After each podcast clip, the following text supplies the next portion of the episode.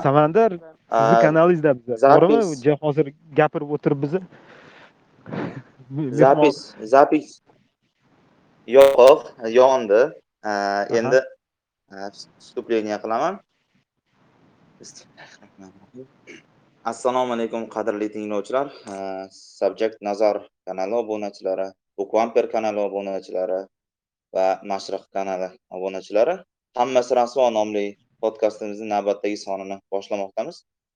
Man yangi moderator ismim odilxon sharqshunoslik universitetida tahsil olaman. Bugungi mehmonimiz moskva shahrida faoliyat yuritayotgan iqtisodchi auditor bloger jamshid aka muslimov jamshid aka bilan tarix siyosat din adabiyot mavzularida ham uzoq e, suhbatlashish mumkin. Bugungi mavzuyimiz e, kitoblar orqali propaganda. Assalomu alaykum jamshid aka.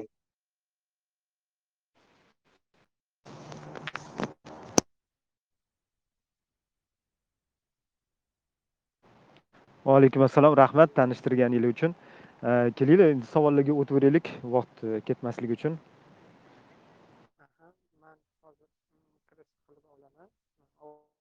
Hop samandar ovozingiz past mikrofon. Endichi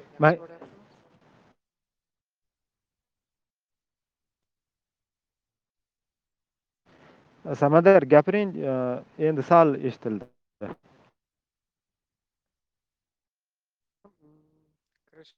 qismini boshlamizda hammaga bor salom. Yo'q yo'q yaxshi eshitilmayapti Ha, hozir men naushnikka o'taman boshqa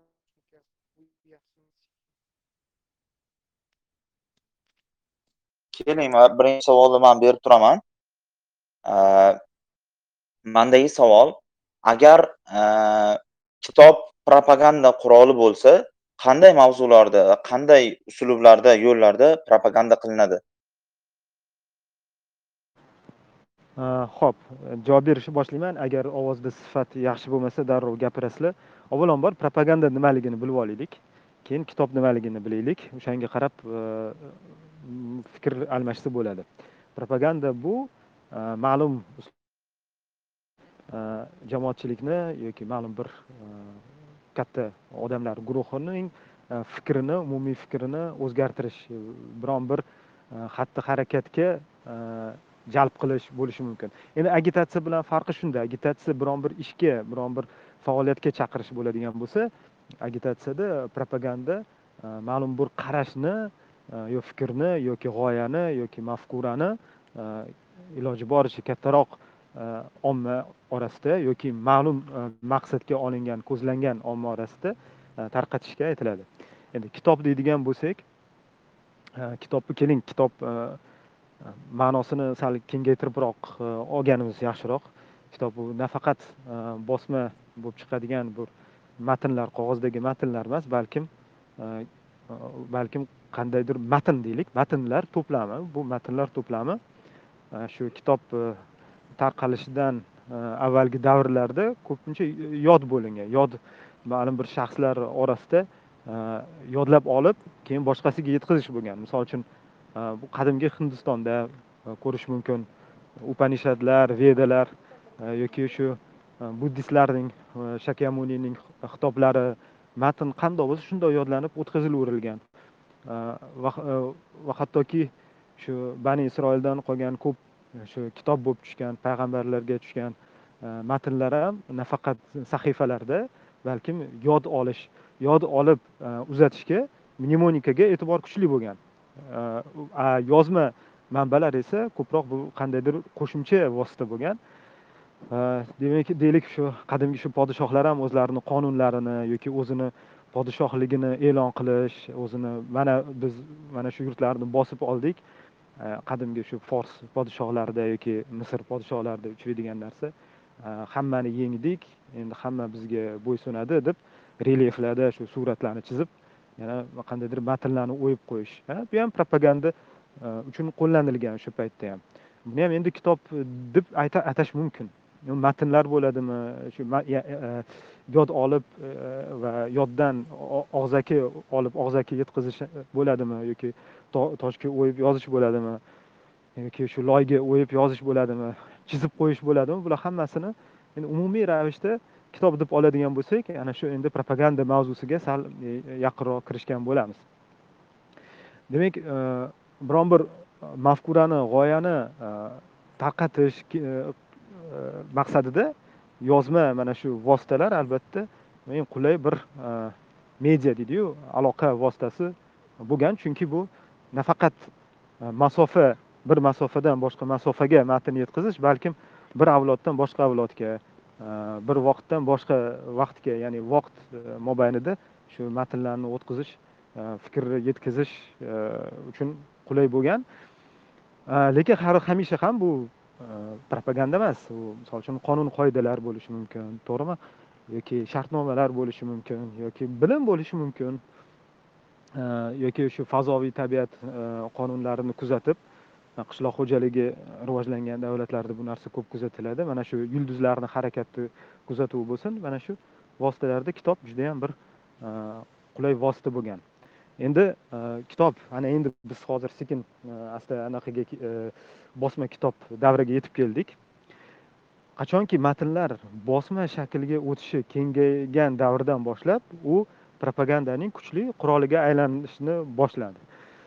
Bu e, o'n oltinchi o'n yettinchi asrda yevropada reformatsiya jarayonida e, bir ming to'rt yuz qirq beshinchi yilda e, gutenberg bosma apparatini o'ylab topgan bo'lsa bir ming besh yuz nechinchi yillardadir martin luter o'zini yangi xristian oqimini katolik cherkovidan ajratib olgan davr mana shu davrda kitob bosma qilish e, texnologiyasi juda yam qo'l berdi. Lyuteranlarga e, protestantlarga. Ular o'zlarini g'oyasini mafkurasini e, va hattoki shu bibliya kitobi u paytgacha bibliya kitobi juda yam qo'lyozma bo'lib juda tor juda tor ko'lamda o'qiy olinadigan kitob bo'lgan. Va protestantlar mana shu bibliya kitobini ommaviylashtirish tarafdori bo'lganligi uchun e, ham nafaqat lotin tilida balkim nemis tilida shved tilida e, va boshqa shu golland tilida ingliz tilida e, turli yevropani tiliga o'girib chop qilib tarqatish orqali va shu bilan birga o'zlarini katolitsizmga qarshi bo'lgan g'oyalarini mafkuralarini propaganda qilish uchun bosma texnologiyasi zo'r yordam berdi va Э, aytishadiki shu protestantizm rivojlanishi reformatsiya bo'lishi umuman e, hattoki yevropadagi keskin e, ijtimoiy siyosiy iqtisodiy burilishiga sabab bo'lgan narsa mana shu gutenbergning ixtirosi deyiladi va shunda mana kitob kitob e, katta rol o'ynaydi. Bosma ko'rinishda bosma shakldagi kitob. Keyin bundan keyingi davrlarda kitob shu mafkuralar g'oyalar o'rtasidagi kurash davrida kitob shu yana bu bir Э, g'oya kurashlari uchun asosiy qurol bo'lib qoldi. Endi hozir hamma tarixiy voqealarni gapirib o'tirmayman. Darrov keling yigirmanchi asrga sakrab o'ta qolaylik e, e, o'n to'qqizinchi asr deylik mayli. E, misol uchun karl marks bilan engels yozgan kommunistlar manifestatsiyasi bu ham kichkinagina kitobcha risola edi shu kommunistlarning birinchi shu mafkurasini keng yoyishda foydalanildi. Karl marks kapital qilib yozganda ishchilar sinfi uchun qandaydir e, qo'sh tirnoq ichida muqaddas kitob bo'ldi.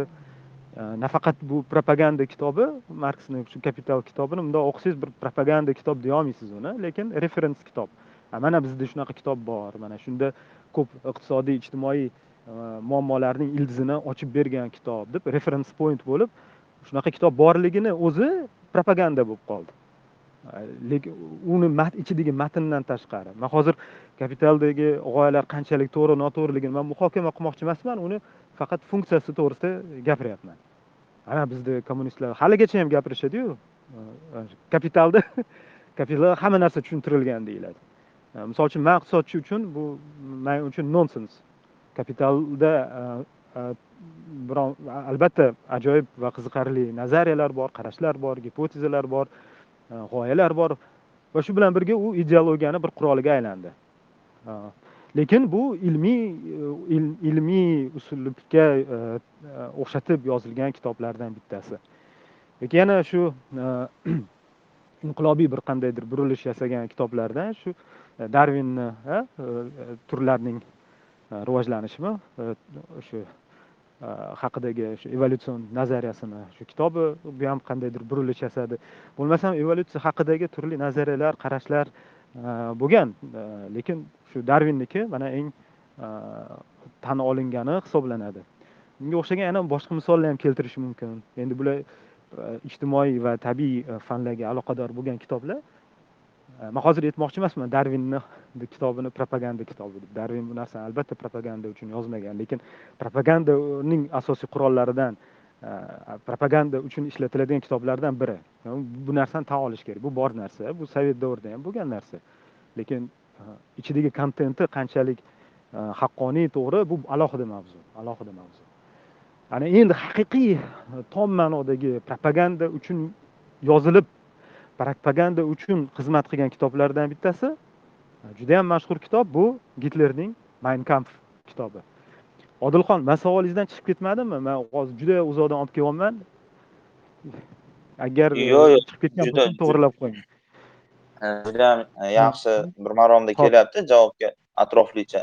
Mayn kamf haqida o'zi so'ramoqchi edim. O'zi ochiqlab ketyapsiz davom etavering demak mayn kamf o'zi propaganda uchun yozilgan va propaganda maqsadida qo'llanilgan u vaqtda turli xil nemis millatchiligi nemis umuman yevropa irqchiligi millatchiligiga oid g'oyalar mafkuralar endi shu paydo bo'lib rivojlanib o'zini mashhurlik topayotgan bir paytda gitler shu g'oyalarni o'zini o'ziga yoqqanini olib va xalqchil odamlar oddiy avom tilida deyishadiku mandan ham so'rashadiyu avom tilida gapiring deb xuddi shu narsalarni avom tilida maromida qilib yozgan e, gitler. Va nafaqat e, o'zini g'oyalarini irqchilik g'oyasini millatchi nemis millatchiligi g'oyasini yozgan balkim e, kelajakda bu hokimiyatga kelsa uning partiyasi hokimiyatga kelsa nima ishlar qilishligini oldindan yozib qo'ygan. Shu hech qanaqangi bir hech narsani yashirmasdan shu nafaqat bu versal shartnomasi balkim umuman shu imperialistik ya'ni militarizm g'oyalari bor bu yerda. Shu narsani ochiqchasiga yozgan. Man buni ikki mingchi yillarni boshida o'qiganman. O'sha internetda paydo bo'lganda o'qiganimda e, birinchidan ikkita e, taassurot bo'lgan. Bittasi birinchi taassurot bu qanaqadir bir yoqmagan manga nafrat tuyg'usini uyg'otgan.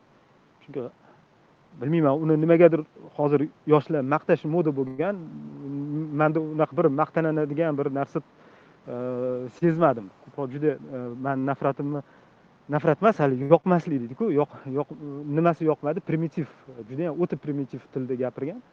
Va ikkinchi taassurotim man haligacha shu bu borgan sari bu taassurotim kuchayib bormoqda. Qaysi millatchini olmang salbiy ma'nodagi millatchi salbiy ma'nodagi millatchini olmang. Rus millatchisi bo'lsin o'zbek millatchisi bo'lsin yoki shu yevropalik millatchisi bo'lsin yo yaponiya millatchisini gapini olib gaplarini shu diskursini ishlatayotgan iborasini ishlatayotgan fikr shablonlarini e, qarasangiz mayn kamfdan kopiya ko'chirilgan deysiz lekin birinchi man xayolimga kelgan narsa o'ylardimki shu hamma millatchilar shu mayn kamfdan boshlasa kerak shu shablonni mana shundan olsa kerak desam endi hozir man shu narsaga keldimki yo'q unaqa emas. Bu salbiy ma'nodagi millatchilarni mishleniyasi fikrlashi andozali patternli arxetipli.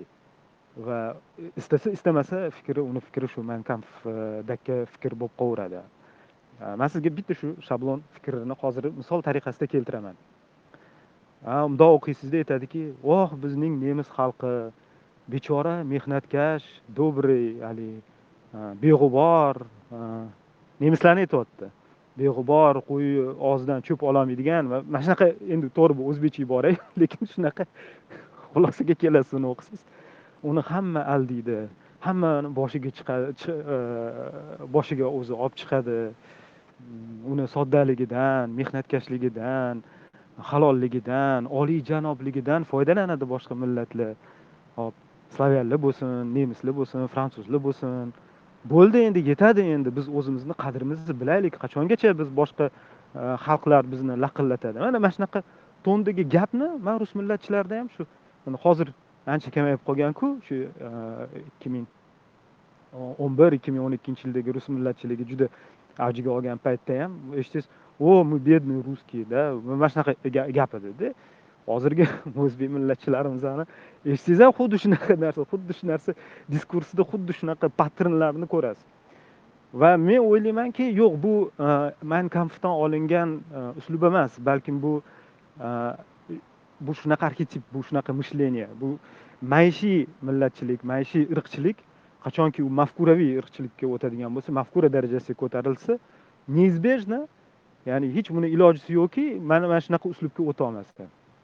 Demak bu yerda e, kitob hozir sizni e, savolingizdan yana keyingi kengroq e, narsaga chiqib ketyapmizki propaganda to'g'ri kitob propagandaning vositasi instrumenti lekin kitobdan tashqari kitobdan e, kitobda biz shu millatchilarni deymizmi yoki boshqa har qanday e, toifadagi odamlarni fikrlash shabloni umumiylashtirib qandaydir arxetip chiqarishimiz mumkin shu kitob e, kitoblar orqali.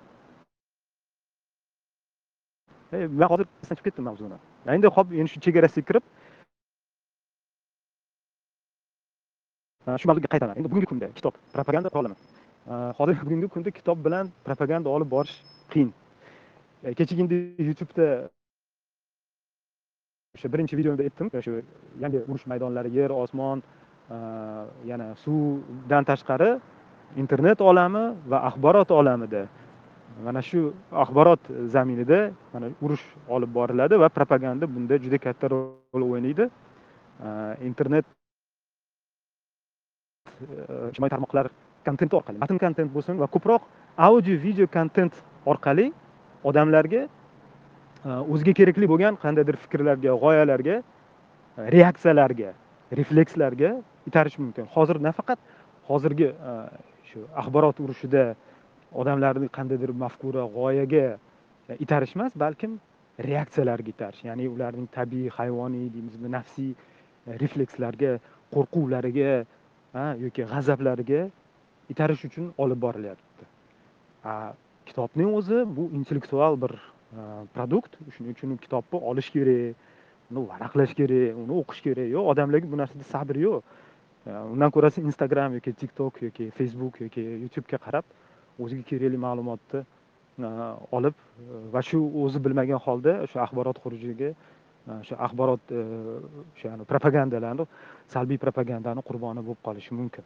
Mana hozirgi kunda demak kitobning e, ahamiyati propaganda vositasi sifatida ancha kamaygan. E, propaganda bilan shug'ullanmoqchi bo'lgan e, shaxslar kitob yozmaydi hozir balkim ijtimoiy tarmoqqa kirib mana shu video audio video rasmli kontent orqali o'zini xurujini o'tkazmoqchi bo'ladi.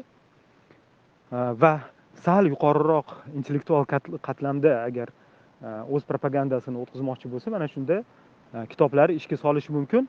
Bilasizmi kitoblarni qanaqa ishga solishadi? Qachonki reference point bo'lsa ya'ni murojaat nuqtasiga aylantirib olishgan kitobni. Xuddi e, hozir so'lchilar e, neo kommunistlar neo sotsialistlar neo marksistlar nima desangiz kapitalda yozib qo'ygan deydi.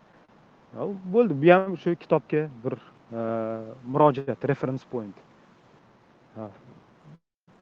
Bilmadim. Bu mavzuda yana qanaqa savollar paydo bo'ladi? Mayli javob beringlar manimcha kichkinagina bu leksiyamni e, hozircha to'xtataman. Ha siz nima dedingiz? Hozir kitob o'rniga shu ijtimoiy tarmoqni bitta gap boru. Facebook ham shu baribir bukda to'g'rimi? Oxiri shu matn nazarda e, tutib olinsa e, manimcha to'g'ri kelsa kerak. Yo'q endi facebook facebook o'zini nomi bilan bu anaqa edi vinyetka edi. Facebook nima bu? Maktab institut bitirgan odamlarni yuzini rasmi e, e, solingan vinyetka facebook degani o'zi. Bunaqa narsaga aylanib ketdi. Siz yevropa haqida gapirdingiz yogan gutenberg bir ming to'rt yuz qirq beshinchi yildagi hozir kechirasiz bu yerda mana so'rashyapti oddiy tilda tushuntiring jaydaricha deyishadiku man hozir ko'zim tushib qoldi o'rtoqlar man qo'limdan kelganicha bilganimcha o'zbek tilida qanchalik bilsam shunaqa gapiraman. Iltimos e, tushuna olmayotgan bo'lsanglar ma'zur tutasizlar yaxshisi eshitmay qo'ya qolinglar. Agar umuman tushunarsiz bo'lsa oddiyroq tilda yozing oddiyroq tilda gapiring oddiyroq tilda gapiring deydigan odamlar qo'rqish kerak. Mana shu odamlar propagandadan qo'rqish kerak. Chunki propagandistlar sizlar bilan juda oddiy tilda gapiradi. Ha murakkablashish kerak. Odam o'zini ustida ishlashi kerak fikrini e, fikrlashishini murakkablashish kerak. Chunki e, agar siz atrofingizdagi olamga nisbatan sodda bo'lsangiz mana shu atrofingizdagi olam sizni boshqaradi. Siz atrofingizdagi narsadan murakkabroq bo'lsangiz sizni boshqara olmaydi. Tushunyapsizmi qiyin kitoblarni o'qinglar. Propagandaga eng zo'r qarshi e, qurol nima deyiladigan bo'lsa qalin zerikarli ilmiy kitob o'qish deyman. Chunki uyquni sindirib bo'lsa ham nima qilib bo'lsa ham boshidan oxirigacha o'qish kerak. Chunki mana shu miyani rivojlantiradi mana shu ongni murakkablashtiradi mana shu murakkab ong orqali e, sizga primitiv e, hissiyotlaringizga primitiv emotsiyalaringizga qarshi qilinayotgan propagandaga nisbatan javob bera olasiz. Agar yo'q iloji boricha soddalashtirib bering iloji boricha e, qilib bering desa bo'pti mana sizga tiktok bor. Mana shu tiktok tilida gapiradiganlar paydo bo'ladi. Ammo ular nimaga chaqiradi? Uzr man savolingizni bo'lib qo'ydim. Chunki bu narsani bu narsani juda ko'p manga yozishadi gapirishadi. Man mana shu munosabatimni bildirib o'tmasam bo'lmasdi. Ha orada bir alifbo haqidagi masala chiqqanda esizdami alifboni xalq tiliga moslashtirish kerak soddalashtirish kerak deb. Bu judayam xavfli emasmi? Soddalashsa bizdan keyingilar buga bu ham yanayam murakkab ko'rinib ketadi. Bundan ham battar soddala shunaqa qilib soddalashib primitivlashib oxiriga qarab ketaveradimi tubanlikka qarab degan fikr kelgandi o'shanda. Savol e, savol berayotgandim e, yevropa haqida gapirdingiz bir ming to'rt yuz qirq beshinchi yil yogan gutenberg tomonidan shu pechatный mashinka ixtiro qilingandan keyin ko'p o'zgarishlar bo'lgandi. E, Sharq olami haqida gaplashmoqchi edim bilamiz o'sha paytlarda endi nimalar tomon hattotlar tomonidan shu kitoblar ko'chirilgan. Sharq olamida kitob orqali propaganda qanday ko'rinishda kechgan? Sharq olamida kitob albatta kitob keling propagandadan tashqari kitobni funksiyasini musulmon olami to'g'risida gapiradigan bo'lsak keyin sharq juda keng tushuncha musulmon olamida gapiradigan bo'lsak sahifalarni qur'onga jamlash chunki qur'on ham shu eski davrlarda yod olish matnni mnemonika juda kuchli bo'lgan odamlarda xotira kuchli bo'lgan va yodlab olish va matnni yoddan yetkazish uslublari yaxshi rivojlangan. Hozir bu narsa o'lib o'lib yo'q bo'lib ketdi bu narsa. Chunki o'rniga kitob keldi. Endi e, o'sha musulmon davlati o'sha musulmon ummati juda keng e, tarqalib ketganligi uchun qur'on matnida xatolar ko'p mm, yo'l qo'yilayotgani sababli kitob qilib kitob mushaf qilib e, jamlashgan. O'sha sahobalar davrida boshlangan bu narsa. Va shu musulmonlar uchun ham o'zini mafkurasini o'zini dinini tarqatish uchun ham asosiy reference point murojaat e, nuqtasi. Va shu bilan birga o'z g'oyasini o'z mafkurasini tabliğ deyishadi e, yetkazish ya'ni shu ma'nodagi shu propaganda ma'nosida ham albatta shu qur'on kitobi foydalanilgan.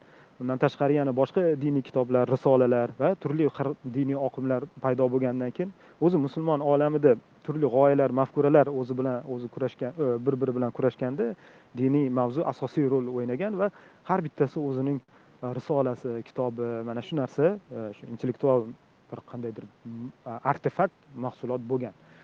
Har qanday bir toifani qaromita deymizmi ismoiliya deymizmi eng shu radikal qattiq qarshi e, haligi marginal bo'lib ajralib chiqib yana juda katta o'zgarishlarga juda ko'p e, to'polonlarga sabab bo'lgan e, toifalarni ham o'ziga yarasha o'z risolalari kitoblari bo'lgan. Ya'ni kitob shunaqa bir e, shu davrda ham o'z o'rnini o'z o'rniga ega bo'lgan.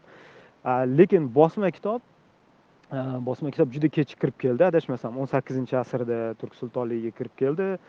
Va bu narsa juda qattiq qarshilik bo'lgan chunki xattotlar institutiga e, zarba edi e, kitob bosmasi.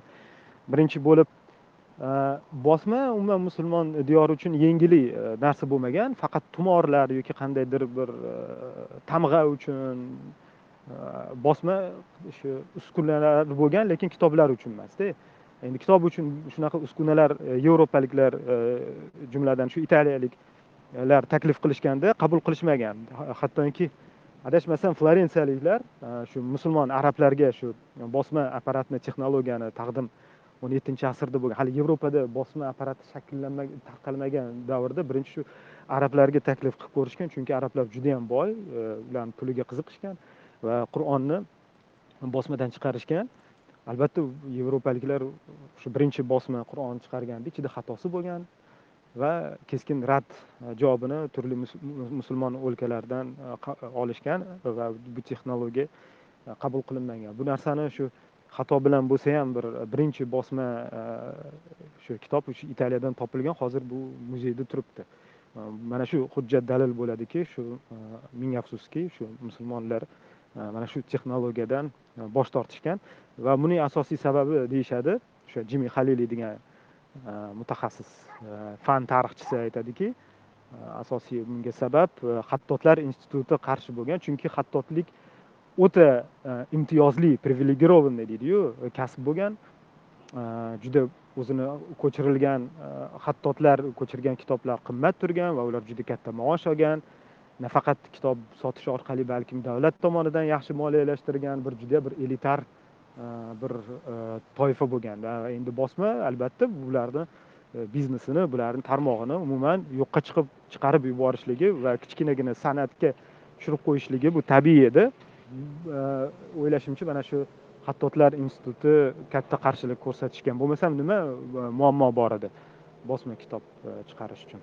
Mayli hop qur'onni bosma qilib chiqarmasin boshqa narsa boshqa qanchadan qancha e, hujjatlarni oddiy oddiy risolalarni qilish mumkin edi. Agar diniy matnni aralashtirmaydigan deydigan bo'lsak lekin shu qattiq qarshilik bo'lgan shu narsaga. Endi e, albatta yigirmanchi asrda har xil diniy oqimlar paydo bo'ldi. Ular ham shu boshqa davlatlar e, kabi boshqa yurtlarda bo'lganidek kitoblarni propaganda e, quroli sifatida foydalanishdi. Endi hozirgi holatga keladigan bo'lsak hozirgi holat shu yuqoridagi aytib o'tganimdek propaganda asosiy asosiy propagandaning vositasi audio video kontent kitob emas. lekin kitobga murojaat qilish bor. kitobni o'zi emas. Endi xitoy uzoq sharq e, haqida gapiradigan bo'lsak ular ularda e, eramizdan avvalgi e, adashmasam oltinchi to'rtinchi asrlarda yoki uchinchi asrda bosma kitob chiqarish xitoyda koreyada bo'lgan bu narsa.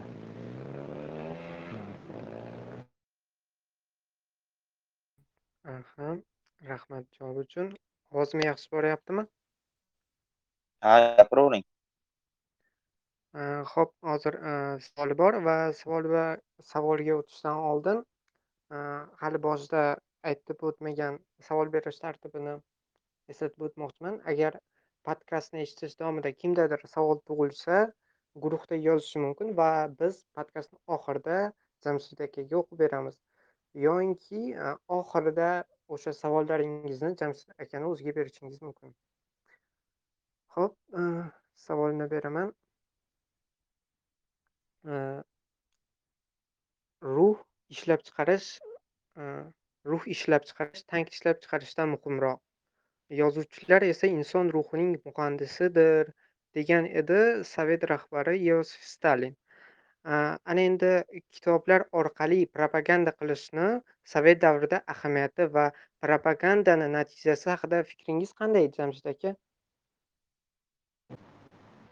Avvalambor e, e, sovet e, e, mafkurasida shunaqa bir asosiy fikr bo'lganki g'oya bo'lganki sovet odami nima deydi savodxon bo'lishi kerak. U o'qiy olishi kerak. Nima nima uchun o'qiy olishi kerak? U partiya yo'naltirayotgan matnlarni markazdan jo'natgan matnlarni buyruqlarni instruksiyalarni o'qiy olish kerak va shunga amal qilish kerak. Ikkinchidan yana shu industrial jamiyat uchun o'ta muhim bo'lgan narsa injenerlar sinfi yoki sal murakkablashgan ishchilar sinfi shakllanish uchun nima deydi? Грамотный ya'ni savodxon bo'lish kerak. Bo'lgan o'shaning uchun savodxonlik juda katta rol o'ynagan shunga e'tibor berilgan bu masalani bir tomoni. Ikkinchisi stalin endi propagandani anaqalaridan nima desam ekan bu propaganda propaganda uni asosiy ish quroli boshqa e, nima deyish mumkin? Propaganda darg'asi demoqchimisiz ularni asosiy uslubi bolsheviklarni asosiy uslubi ya'ni boshqa qanaqa yo'l bilan ular hokimiyatga chiqa olardi. Ya'ni ommani o'ziga qaratib ommani o'ziga ergashtirib hokimiyatga e, chiqish va o'zini shu o'zi ishongan e, mafkurani shu amalga oshirish. E, endi demak propagandani hamma vositasidan foydalanish kerak. Bitta vositasi shu kitob adabiyot shuning uchun stalin adabiyotchilarni yaxshi ko'rgan yomon ko'rgan bo'lsa ham agar iste'dodli bo'lsa chidagan juda misol uchun gorkiyni ham maksim gorkiyni ham rosa keltirgan so'rab yalinib kechiraman sani ketib qolganligingni muhojir bo'lib ketib qolganingni ham kechiramiz deb chaqirib olgan bu narsaga e'tibor bergan stalin albatta. Endi kitobdan adabiyotdan tashqari kino leninni gapi borku kino bilan sirk bu shu juda xalq uchun o'ta muhim narsa degan ma'nodagi bir sitatasi bor.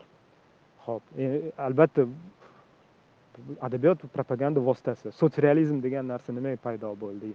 Э, sotsialistik э, jamiyatning o'zgacha bir boshqacha bir realizmini э, taklif qilish nimaga muqobil? Umuman realizmga muqobil yoki romant romantika yoki romantitsizmga romantizmga muqobil yoki har xil voluntarizm g'oyalariga muqobil ravishda sotsrealizm g'oyasi o'sha sotsrealizm san'at turi kiritilgan. Xoh bu kino bo'lsin xoh bu yoki tasviriy san'at bo'lsin va adabiyot va kitoblar bo'lsin. Mana shu sotsrealizm ham bir bu san'atning bir e, yo'nalishi bu propagandaning bir e, vositasi deb bilaman.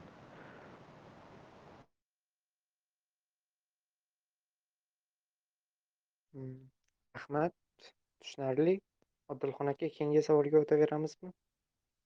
Aha hozir. Ho'p. Keyingi savol. Endi hozir sovet davri haqida gaplashdik.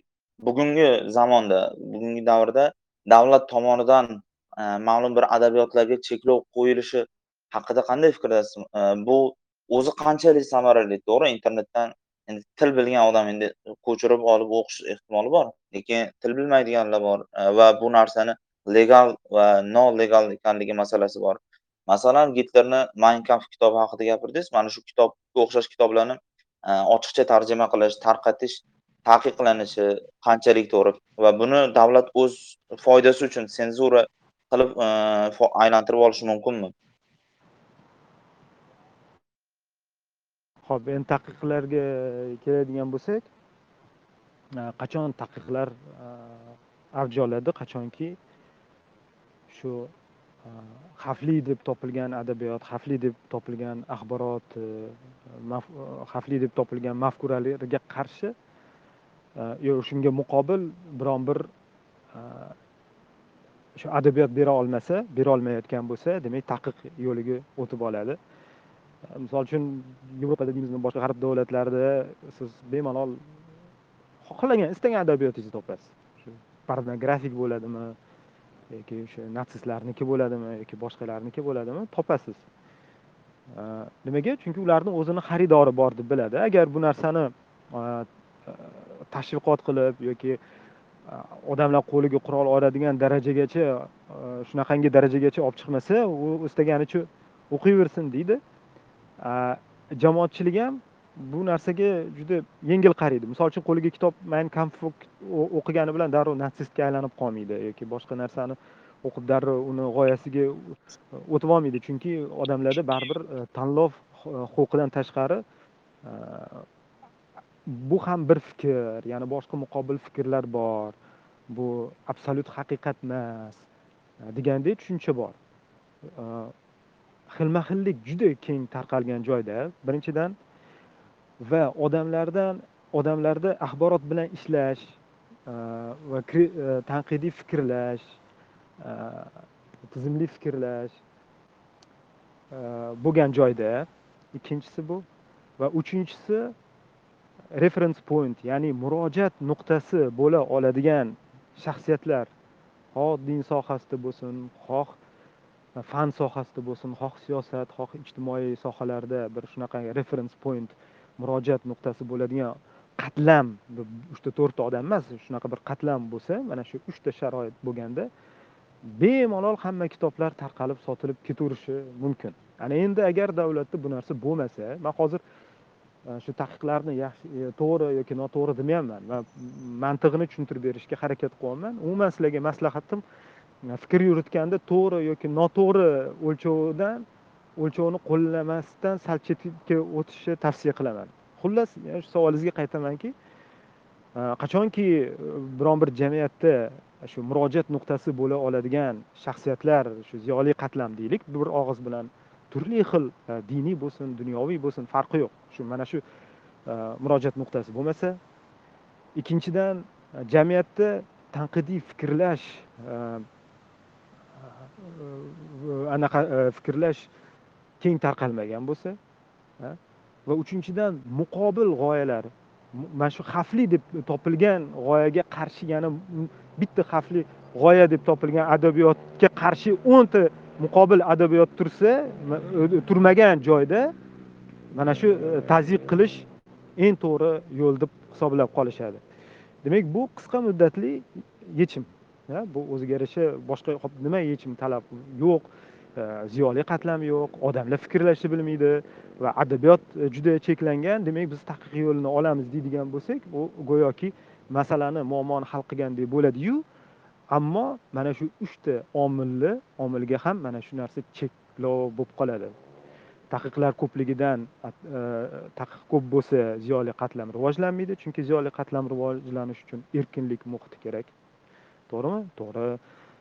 Taqiq э, avjiga olgan joyda erkin fikr bo'lmaydi. Erkin fikr bo'lmaganda tanqidiy kritik tahliliy e, tizimli sistematik mana shunaqa fikrlash bo'lmaydi. Va uchinchidan nima dedim? Uchinchisi fikrlash kitoblar bo'lmaydi. Kitob e, kitoblar kam yoziladi chunki taqiq bor. E qo'y buni yozmayman deb senzura bo'lmasa ham ichki senzura. Haqiqiy senzurani e, zarbasi yigirma foizdan oshmaydi. Eng shu umuman senzura deydigan bo'lsak sakson foiz senzura bu ichki senzura bo'ladi. Umuman rasmiy e, nuqtai nazardan man etilmagan yoki amaldorning xayoliga man qilish xayoliga kelmagan narsani shu ziyoli odam bo'lsin umuman u fikrlaydigan odam o'zini o'zi e, chegaralab o'zini o'zi e, senzura qilib qo'yadi. Savolingizga javob bera oldimmi? Javob bera oldingiz jamshid aka shu joyda. Bitta narsani kстати so'rab ketmoqchi edim. Hozir senzura bo'ladi kitoblar yo'q bo'ladi ограниченность. Orwellni kitoblarida asarlarida shu vaziyatni baholanishini e, shu vaziyat tasvirlanganini ko'ramizda oldis hakslida esa aksincha kitoblar ko'payib ketganidan shu axborot ko'payib ketganidan odamlar to'g'ri noto'g'risini ajrata olmay qoladi chalkashib ketadi. Deydi. Bu ikki xil e, bir qarama qarshi fikrga qanday munosabatdasiz deb so'ramoqchi edim.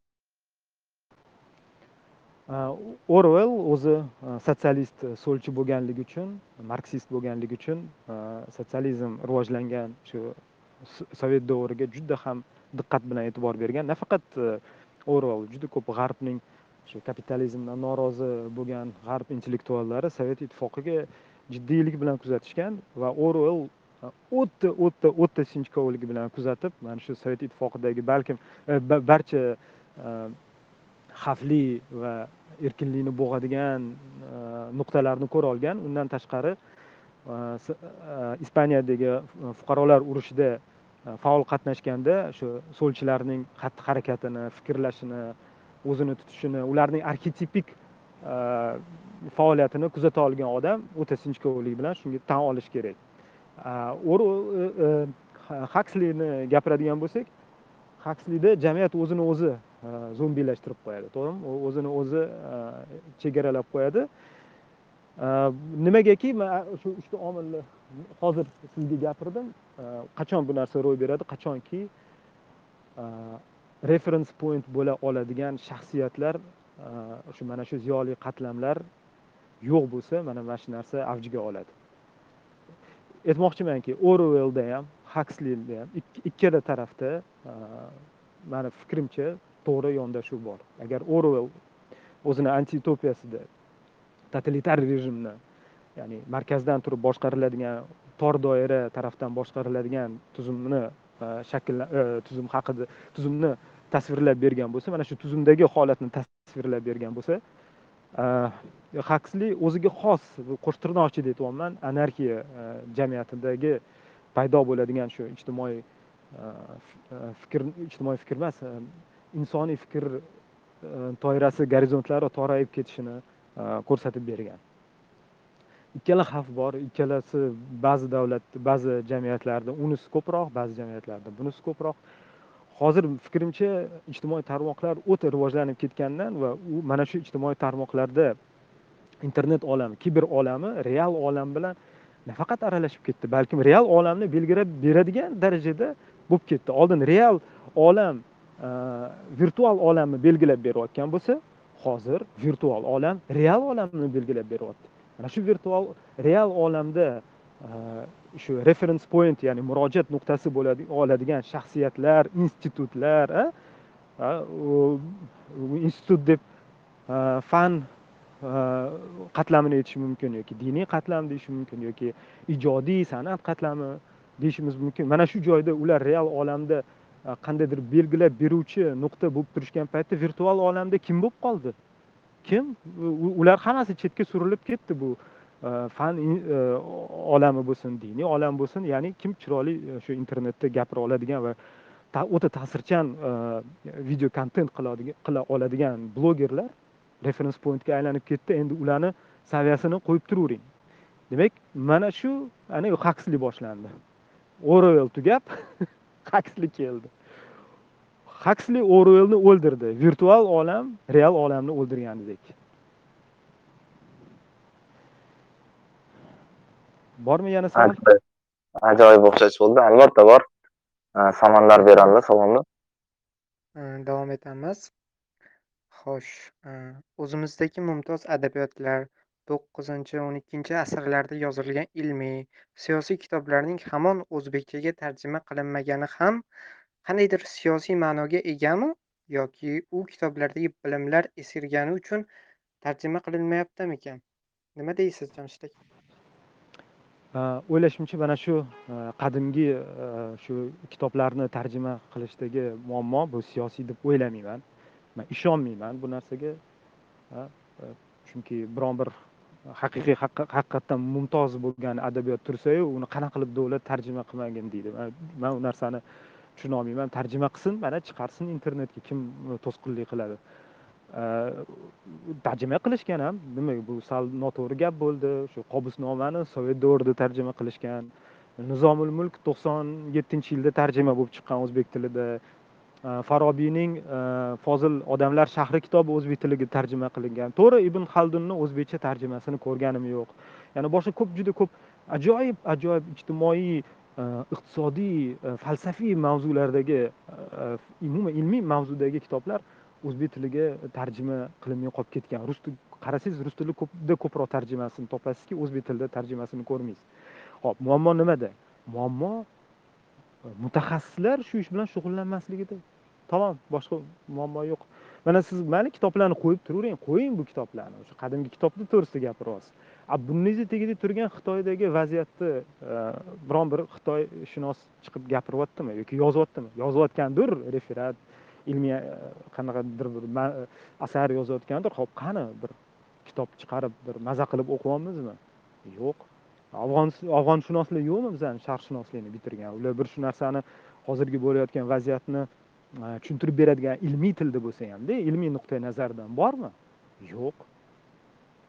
Bu tarixiy asar deysiz. Bugungi kunni narsani olib chiqishmayaptiku. Buni kim qila oladi? Buni faqat tizimli ravishda o'qib o'qib chiqqan bilim olgan odam qila oladi har kim ham til bilishni o'zi kifoya emas bittasi fors tilini yoki ingliz tilini bilsa sharillatib o'zicha tarjima qilib ketolmaydi bu sohada o'qigan bo'lishi kerak u tildan tashqari tarjimonlik bilimi bo'lishi kerak va u tarixni yaxshi bilish kerak o'sha o'sha zamon o'sha makonga xos bo'lgan vaziyatni nima vaziyatda bu narsa yozilgan shu narsani tushuna oladigan bo'lish kerak mani hozir qo'limga ajoyib bir e, bir ismi e, hattoki ismi ham esimdan chiqib qoldi. Bu unaqa man uchun mashhur man uchun ma'lum bo'lmagan e, yozuvchi lekin buni tor doirada yaxshi bilishar ekan bir sufiyni bir asari chiqib qoldi. Undan bitta ikkita satrlarni o'zbekchaga tarjima qildim. Fors ekan mana rus tilida rossiyada chiqqan shu kitob.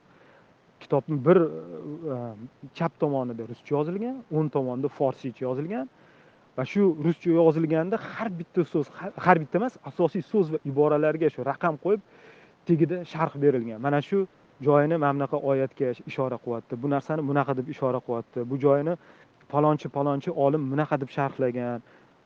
Va sharhlarini kimni sharhlarini beryapti? Hozir zamonaviy sharqshunoslaridan va shu qadimgi o'sha zamondosh bo'lgan yoki uni shogirdlari yoki keyingi e, avlodda e, aytilgan fikrlarni ko'rsatib beryapti. Rus tilida kitob. Rus tilida. Bunaqa ko'plab misollar keltirishim mumkin. Lekin o'zbekistonda hozir demak bu narsada bunda sustlik bor. Muammo muammo e, siyosatda emas muammo o'sha ta'lim tizimida bo'lsa kerak deb o'ylayman. Hozir aytishingiz mumkin siyosat bilan ta'lim tizimini o'rtasini ajratib bo'lmaydi deyishingiz mumkin. Man savol beraman. Hop mumkin mumkin emas bitta narsa deb turib olaylik. Kim nima to'sqinlik qilyapti? Shu sharqshunoslik institutiga kirgan shu forsshunos bo'ladimi arabshunos bo'ladimi yoki turkshunos bo'ladimi yo boshqa narsa bo'ladimi? Shu kitoblarni olib chiqib ommaga faqat o'zini e, ilmiy rahbari uchun emas omma uchun olib chiqib kerakli bir qiziqarli ma'lumotlarni olib chiqishdan kim uni to'syapti kim? Va facebookda ko'rsatinglar manga kim o'sha e, mutaxassis sharqshunosi. Man sizga rossiyani forsshunosi xitoyshunosini ko'rsataman man sizga. Facebookda bo'lsin youtubeda bo'lsin. O'zini bilimi bilan almashayotganligini o'zbeklarni ichida ko'rsatinglar.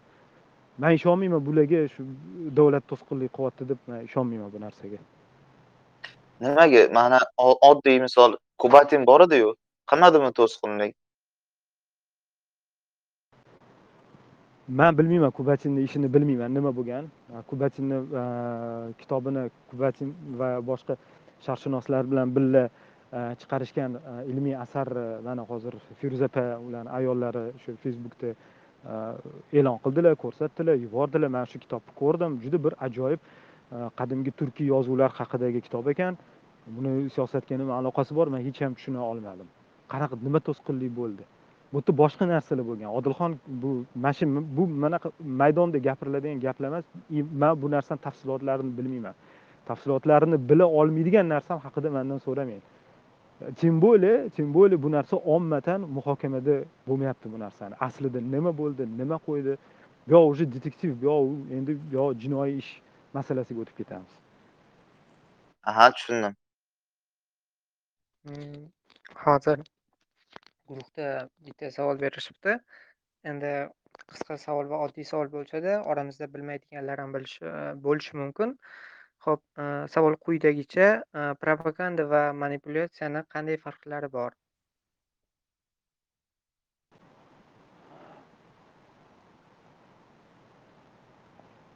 Qiyin savol, oson savol emas. Ommaviy manipulyatsiya qilish ommani biron bir xatti harakatga keltirish uchun yoki biron bir qaror qabul qilish uchun uni kayfiyatida ko'proq manipulyatsiya bilasizmi ko'proq kayfiyatga e, e'tibor beradi emotsional kayfiyatga e'tibor beradi. E, uni kayfiyati bilan o'ynab e, o'ziga kerakli bo'lgan xatti harakatni keltirib chiqish chiqarish mana shu manipulyatsiya bo'ladi. Misol uchun texnik ko'rinishi biron bir g'oyani e, juda keng tarqalib ketishi uchun biz avtomatik ravishda o'zimiz tushunmagan anglamagan holda nechta odam lak bosibdi shunga qaraymiz. Qaraymizmi qaraymiz. Nechta подписчиgi bor? Qaraymizmi qaraymiz man uncha qaramasdim hattoki man bolalarni ayniqsa yosh eng yoshlarda ko'p uchragan. Mundoq o'g'limni chaqirib man qara youtubeda qiziq narsani gapiryapti desa birinchi qaraydigan narsa nechta подписчиgi bor? Shunga e'tibor beradi. Nechta layk bosishgan donatlar kelib turibdimi kelib turmayaptimi shunga e'tibor beryapti. Endi buku yosh bola. Undan yoshroq odamlar ham shunga e'tibor beradi. Keyin man o'zim ham bir e'tibor berganman. E, kimda kimnidir fikrida ko'proq layklar bo'lsa demak qiziqroq demak buni o'qishga arziydigan narsa deb keyin e'tibor berishni boshlayman. O'zimni shu narsada tutib oldim. Endi manipulyatsiyaga nima aloqasi bor desangiz buni manipulyatsiya orqali sonlar raqamlarni o'zgartirish mumkin. Demak sun'iy ravishda uni layklarini prosmotrlarini shu donatlarini oshirib ham e, google e, algoritmlaridan algoritmlar bilan suiiste'mol qilib mani shu kontentga nisbatan bo'lgan munosabatimni e, o'zgartirmoqchi. Birinchi qadam e'tiborimni jalb qilib ikkinchi qadam munosabatimni o'zini foydasiga o'zgartirish. Va buni munosabat u fikrni bu kontentdagi fikrni nafaqat qo'llab quvvatlash balkim unga qarshi reaksiya qilish. Mana misol uchun shu manga yoqmagan bir kontentni olib chiqadida va shu man shu kontent bilan ovora bo'lib qolaman. Shu ichidagi fikr bu noto'g'ri fikr bu bunday noto'g'ri adashib ketdi deb keyin e, bahslashib uzr hozir Э, bahslashib e'tiborimni tortadi bitta man emas bu ommadan shu narsa ro'y beradi. Mana shu manipulyatsiya bo'ladi. Propagandada propagandada ko'proq fikrga e, e, fikrga e'tibor. E, to'g'ri bunda ham hissiyotlar bilan o'ynash bunda ham kayfiyat bilan o'ynash bor lekin propaganda baribir asosiy markazda turadigan narsa. G'oya mafkura turadi. Manipulyatsiyada esa shu kayfiyat reaksiya munosabatda mani bu mani klassifikatsiyam balkim noto'g'ri tasniflab bergan bo'lishim mumkin. O'zinglar o'rganib ko'ringlar. Googledan tersanglar chiqadi bu mavzuda. Hech bo'lmasa wikipediyada o'qisanglar ham farqi farqini ko'rasizlar.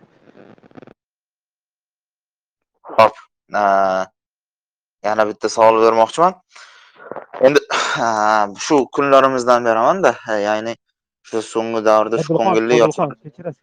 Oh, uzr uzr. e, bo'ldim sizni keling yozilgan savollarni ham beraylik ko'proq beraylik yozilgan maylimi maylimi qaysi yozilgan? Ya'ni e, shu nimalardan tushganmi? gruppaga ha ha shularga ko'proq Hop. beraylik Xo'p, bo'ladi. Xo'p. A, demak bu yerda ki- kimni savolini o'q- o'qiy ekan? A, bu endi infologlar haqida so'rashyapti-da, fake guruhlar ham tur- turlicha kitob yozib, ommaga chiqarib, bepul tarqatib yotishibdi. Bu ham ma'lum darajada propaganda emasmi? yo'q bu bu marketing uslubi shunaqa uslub borki e, info biznes e, uslubi mana shunga kirsanglar sahifamizga kirsanglar e, retseptini man palonchi palonchi palonchi ish qilishni kitob qilib pdf kitobini yuklab olasizlar deydida shu kitobni bosgandan keyin Э, endi o'sha kitobni yuklab olish uchun kontaktingizni qoldiring deydi. Ya'ni kontakt telefon nomeri yoki elektron adresingizni qoldiring yoki mana shu saytga yoki mana shu kanalga obuna bo'ling deydi. Uni evaziga qanaqadir kitob sovg'a qilgandek bo'ladi. Biron bir foydali kontent foydali qimmatli qadri e, qandaydir value deydi inglizchasiga qanaqadir ценность evaziga bergandek illyuziya hosil qiladi. Ba'zan shu kitobda to'g'ri qiziqarli ma'lumot bo'lishi mumkin lekin ko'pincha ichida oddiy gaplar oddiy shu internetdan topsa bo'ladigan yoki oddiy kimdir gapirgan gaplarni chiroyli qilib bullet point qilib hali birinchi ikkinchi uchinchi qilib terilgan narsa bo'ladi. Bu marketing e, shunaqa bir uslubi. Bu bir. Ikkinchidan e, best seller avtori palonchi kitob qildi zo'r sotilgan degan palonchi palonchi pismadonchi yoki to'rtta beshta kitobni muallifi degan nomni o'zi marketing. Bu ham bir imij e, piar uchun ya'ni imij uchun juda bir katta plyus beradi. Mana shu maqsadda ham o'zligicha kitob yozishadi va kitob tarqatishadi. Ya'ni kitob mazmuni kitob kitob yozdi deganni o'zi e, marketing uslubi bo'lyapti endi bu narsani propaganda deymizmi demaymizmi endi bilmadim. Lekin o'zini sotish marketing nima uchun marketing deyapman? Bu inson o'zini imijini o'zini e, personasini e, pullayapti bir og'izda. Mashhur bo'lgandan keyin keyin uni treninglariga seminarlariga qiziqish bo'ladi pul to'lashadi onlayn bo'lsin offlayn bo'lsin. Demak bu sotish uslubi bo'lganligi uchun bu marketing uslubi deymiz.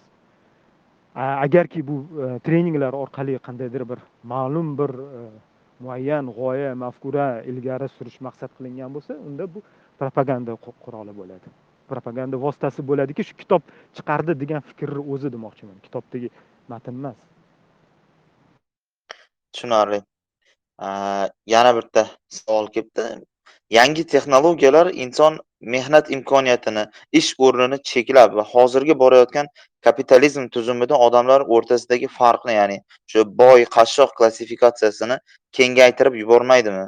Shu yo'sinda insoniyat yana qaytadan kommunizmni yechim sifatida ko'rishi mumkinmi? o'sha savolni birinchi qismi juda eskidan paydo bo'layotgan narsa marksistlarni klassik marksistlarni yaxshi ko'rgan g'oyasi kapitalizm foydaga e, kapitalistlar foydasi ketidan yugurib texnologiyalashtirib e, ishlab chiqarish texnologiyalashtirib odamlar kerak emas bo'lib qoladi va e, shu mahsulotni tannarxi tushib ketgani hisobidan va ko'proq hajm katta bo'lganligi hisobidan shu ish joylari kamayib ketib o'rinlarni robot egallaydi degan shunaqangi bir mif mifologik tasavvur marksistlarda klassik marksistlarda ko'p bo'lgan. Endi mana ko'ryapmiz bunchalik emas chunki iste'mol ham oshdi. Yangi eski ish joylari to'g'ri yo'q bo'lib ketdi o'rniga yangi ish joylari paydo bo'ldi. Ko'proq intellektualroq ko'proq ofisda o'tirib ishlaydigan qora ish bo'lsa kamayib lekin nima desam ekan overhead deydi ya'ni administrativ e, ish faoliyati ko'paydi byurokratiya yana rivojlanib ketdi va hokazo. Keyin savol keyingi davomi nima edi qiziqarli davom asosiy nuqtasi edi qaytarib esimga solib yuboring davomi mana shu shuni davomida insoniyat yana kommunizmni yechim sifatida qayta ko'rishi mumkinmi qatlam qatlam bo'lib ketishi to'rtinchi sanoat inqilobini kuzatishimiz kerak to'rtinchi sanoat inqilobi shunaqangi darajada chiqib ketishi mumkinki haqiqatdan ham robotizatsiya kuchayib nafaqat oddiy robot va kobot degan narsa paydo bo'lgan e, sun'iy ong kvant kompyutingi va hokazo va hokazo e, texnologiyalar ishga kirganda albatta e, ishchining xatti harakatiga hattoki intellektual ishga ham talab kamayadi. Hozirgi dasturchilarni ishi ham avtomatizatsiya bo'lib ketadi. Buxgalteriya va hokazo audit ishi deyarli o'ladi. Э, o'ladi deganimda misol uchun э, o'nta auditor kechirasiz yuzta auditor yoki yuzta buxgalter qiladigan ishni э, bitta buxgalter boshqaruvida shu bitta tizim bajara oladigan darajaga chiqadi. Lekin bu nima degani ish joyi yo'q bo'lib e, shu ish joylari yo'q bo'lib ketib odamlar ishsiz qoladi degani emas. E, bu degani yana yanada yuqoriroq intellektual salohiyat talab qiladigan e, ishlar ko'payadi. Yuqori darajadagi e, ko'proq fundamental fikrlay oladigan tizimli fikrlay oladigan e, mexanik emas mexanik fikrlash shablon fikrlash emas o'ta tizimli o'ta ijodiy fikrlay oladigan e, ish joylariga talab bo'ladi. Lekin shunda ham ishsizlik ko'payadi. Lekin ishsizlik nimaga? Shu talab va taklif o'rtasidagi muvozanat miqdoriy emas sifatli bo'ladi. Aytmoqchimanki mana shu oliyroq darajadagi ish joylariga yarasha ishchilar bo'lmaydi yetishmaydi. Mana shu ishchilar uchun haqiqiy ov boshlanadi. Mana shu talantlar uchun ov boshlanadi. Klassik yo'l bilan yollash uni o'qitish amalga oshmagandan keyin bog'chadan turib mana shu talant shunaqa deylik endi qo'pol qilib aytganda programmistlarni bolasiga e'tibor beradi. Baribir ularni genida shu programmist bor deb o'ylashadi yoki shunaqa e, matematiklarni bolalariga qaraydi genida bor bo'lsa kerak deydida bog'chadan turib o'ziga shunaqa e, o'ta o'ta ixtisoslashgan va o'ta chuqur fikrli oladigan mana shu talantlarni o'stirib olishi o'stira boshlashadi. E, chunki klassik yo'l bilan bosh ovini head hunting qilish o'zini oqlamaganligini ko'rgandan keyin ta'lim tizimlari esa mana shu hozirgi to'rtinchi sanoat inqilobiga inqilobini talabini qondira oladigan Э, mutaxassislarni yetkazib bera olishi juda juda judayam qiyin. Chunki texnologiyalar shu yangi texnologiyalar taklif qilgan yechimlar e, e, tayyor bo'lib turibdi lekin shular bilan ishlaydigan odamlarda e, taqchillik bor. Shuning uchun tavsiyam shu sohalarga bu haqida alohida o'zim youtubeda gapirmoqchiman. Shu sohalarga yoshlar ayniqsa yoshlar shu e'tibor bergani yaxshi.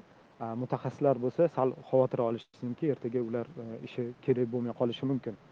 Bunga real o'zimizni boshimizdan o'tgan e, turlicha misollarni keltirishimiz mumkin lekin vaqt e, cheklangan. Ana endi shunaqa bo'lgan davrda umuman o'quvsiz va bilimsiz migrant bo'lib kelgan odamlar nafaqat mutaxassisligi bunaqa darajaga yetadi. Umuman umuman ta'lim bilmaydigan odamlar bilan nima bo'ladi desa kiberpank olamiga marhabo o'rtoqlar. Yana shu haksli yana shu haksli olamiga yoki boshqa hozir esimdan chiqib qoldi mualliflar. Shu oldindan aytib ketgan shu antiutopik e, kiber olam e, dunyosiga marhabo bu degani e, shu ma'lum qatlamdagi oliy qatlamdagi mutaxassislar olimlar texnokratlar elitasi o'ziga alohida dunyo qilib oladi. Va o'zini himoyalab oladi. Qolgan xalq bo'lsa qora xalq bo'lsa bu xuddi musrdek unga munosabatda bo'ladi. Ya'ni o'zini e, chegara chegarab o'zini qurib olgan saroy e, dunyosiga kiritmaydi. Qolganlar tashqarida qolib ketaveradi tashqaridagi odamlar o'zini turlicha e, o'rmon qoidalari bilan deymizmi boshqa turlicha qandaydir bir qonuniyatlar bilan yashab yuraveradi va ularga yo'l yopiq bo'ladi. Ularni endi bunaqa yetuk darajada e, mutaxassis texnokrat bo'lib o'sishiga imkoniyat bo'lmaydi. Ora oradan shunaqa odamlarni terib olishadi. Endi fantastlarning bashorati bo'yicha e, shu chiqitga chiqib ketgan odamlar juda katta omma odamlar e, shu elita olamiga bosim o'tkazaverganda elita olami shu robotlar orqali shu aholini turli kasallik orqali turli turli boshqa yana otish balo battar orqali o'ldirib turadi. Endi bu fantastika. Man hozir shu narsa bo'ladi demoqchi emasman. Vaziyat albatta bundanda murakkabroq undanda boshqacharoq bo'ladi. Uni xudo ko'rsatadi qanaqa bo'lishi kerakligini. Kommunizm yechim emas. Kommunizm g'oyasi mana shu vaziyatga nisbatan bir yechim taklif qilolmaydi olmaydi. Hop shunaqa vaziyat kelib qoldi deylik a kiber olam e, kiberpank olami keldi. Kim kimga qarshi? Hozir mani fikrim keldi mana hozir qanaqa qilib aytishni bilolmayapti deb marksizm e, g'oyasida shu kommunistik g'oyasida ekspluatatsiya bo'layotgan proletariat ya'ni suiiste'mol mehnat kuchi vaqti suiiste'mol bo'layotgan xalq qatlami ularni suiiste'mol qilayotganlarga qarshi qo'yish va ishlab chiqarish vositalariga o'ziga kerakli bo'lgan iste'molni ishlab chiqarish o'zini e, e, ishlab chiqarish mm, tovarlar tovarlari bilan iste'mol tovarlari bilan o'zini o'zi ta'minlash va endi bu neo marksistlarga o'taman. Markuzening fikri ya'ni o'zini ijodiy hayotga o'tish mehnatni o'zidan rohatlan mehnat uning uchun ijod bo'lib mana shunaqangi bir e, dunyoga shakllantirish. Ha bu marksizm. Nima uchun endi mana shu kiber olamida e, bu narsa amalga oshmaydi?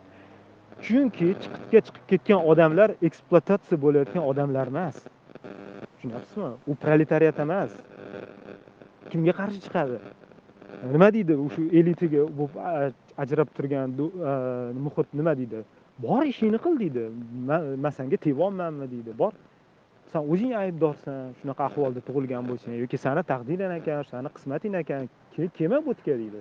Bor bor bor deydi. Sanga hop ochdan o'lyapsan mana sanga shu non sang bir burda non. Lekin biz mana shu chegaradan o'tmagin deydi. Bizaga teng man sanga tegmayman biz sanga tegmaymiz biz o'zimizdan robotlarimiz bor injenerlarimiz bor. Mazza qilib yashayapmiz san o'zing nima qilib yashasang yashayvermaysanmi deydi. Tushunyapsizmi juda hop jo'n ravishda shu e, iltimos qilib so'ralgandek tushunarli e, tilda tushunarli misolda keltirishga urindim. Nima uchun? E, kommunistik mafkura yechim bo'la olmasligini man tushuntirdim. Bu nafaqat yechim bo'la olmasligi man uchun ayon. O'ziga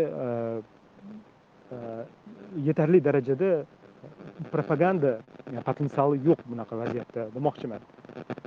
Endi super yangi marksizm bo'lishi mumkin kiberpankga qarshi. Endi qanaqa nima shaklda bo'ladi qanaqa shaklda bo'ladi bilmayman chunki bu yerda ekspluatatsiya qiluvchi va ekspluatatsiya qilinuvchi proletariat va burjua deymizmi bu- elementlar e, ko'rinmayapti hmm, rahmat jamshid aka. E, guruhda yana bir e, savol berishibdi. Savolni quyidagicha Konspirologik kitoblar masalan komitet uch yuz kabi kitoblar haqida fikringizni bildirib o'tsangiz iltimos umuman kons- konspirologiya to'g'risida video material qilgan edim. Ko'rgan bo'lsanglar man bunda munosabatimni bildirdim. Konspirologiya nima deydi? Qandaydir bir tor doiralar butun jahonni dunyoni boshqarib turibdi degandek bir shunaqa g'oya yotadi. Aytmoqchimanki bu E, elita boshqarib turolmaydi balkim elita deymiz qo'sh tirnoqdagi elita qandaydir bir parda ortidagi kuchlar deymizmi banklarmi rokfellerlarmi siyosatchilarmi kimlardir hop bor bo'lgan taqdirda ham ular e, bo'layotgan vaziyatdan o'zi uchun unumli foydalanishga harakat qiladi qila olgan ishi. E, va nimanidir rejalasa ham shu rejasini shu vaziyatga moslashtirib o'zgartiradi lekin butun boshli katta katta jarayonlarni boshqarib tura oladi deb aytib bo'lmaydi. Qisqacha javobim shu. Endi boshqa savollarga e, javob qolsa yaxshi bo'lardi. Chunki bu mavzuda man yotig'i bilan tushuntirganman. Nima uchun? Konspirologik e, nazariyalar e, fikrimcha asosan xatoligini man aytganman. Shu link bilan shu audio material video material bilan bo'lishi mumkin. Ko'rib Aha. xulosa chiqarishingiz mumkin. Aha, tushunarli.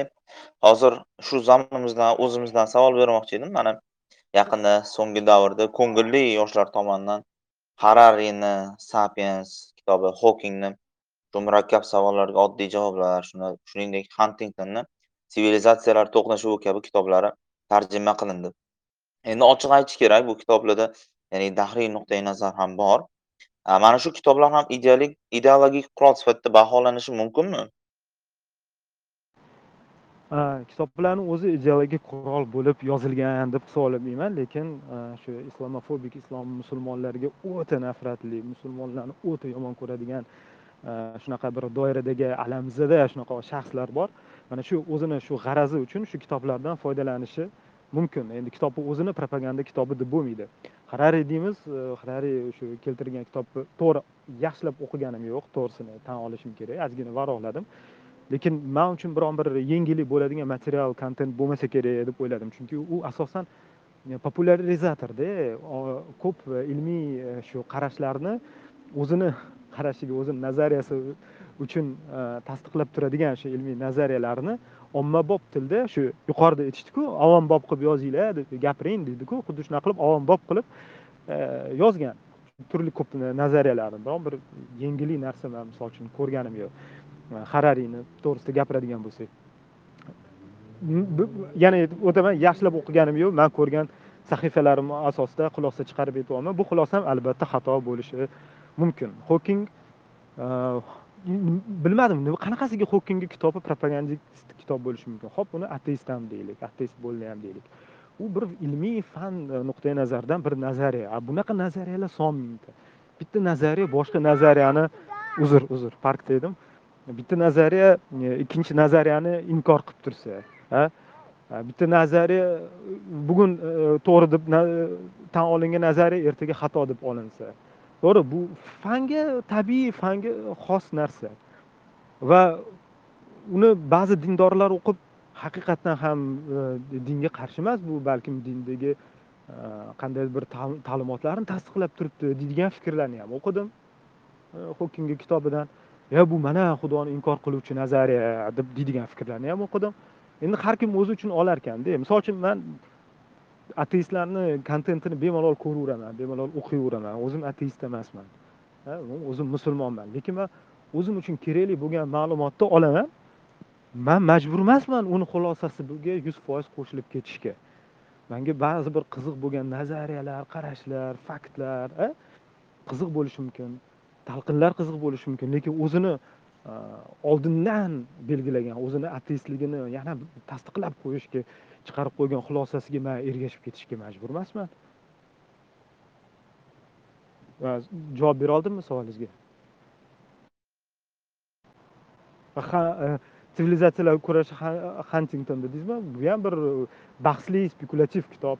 Bunga qarshi yozilgan fikrlar bor. Faqat shu kitobni o'qib olib o mana haqiqatga ko'zi ochildi demasinda shunga shu kitobga qarshi tanqidiy yozilgan boshqa nazariyalar fikrlar bilan tanishib chiqsin.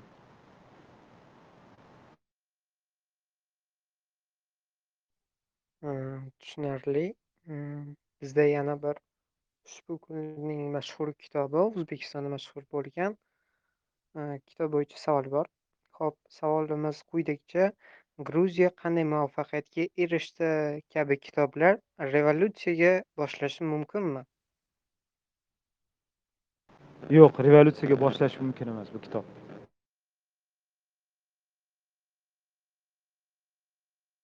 Javobim shu, bilmadim yana qanaqa javob kutyapsizlar mendan. Men ishon bu narsaga ishonmayman. Bu kitob bu kitob e, revolyutsiyaga sabab bo'lishi mumkinligiga man ishonmayman. Revolyutsiya bitta kitob bilan bo'lib ketadigan narsa emas. Revolyutsiyaning o'zini e, qonuniyatlari bor. E, ishonmasa mana shu professional revolyutsionerlar asarini o'qisin, o'sha hammasi yozilgan, aytilingan.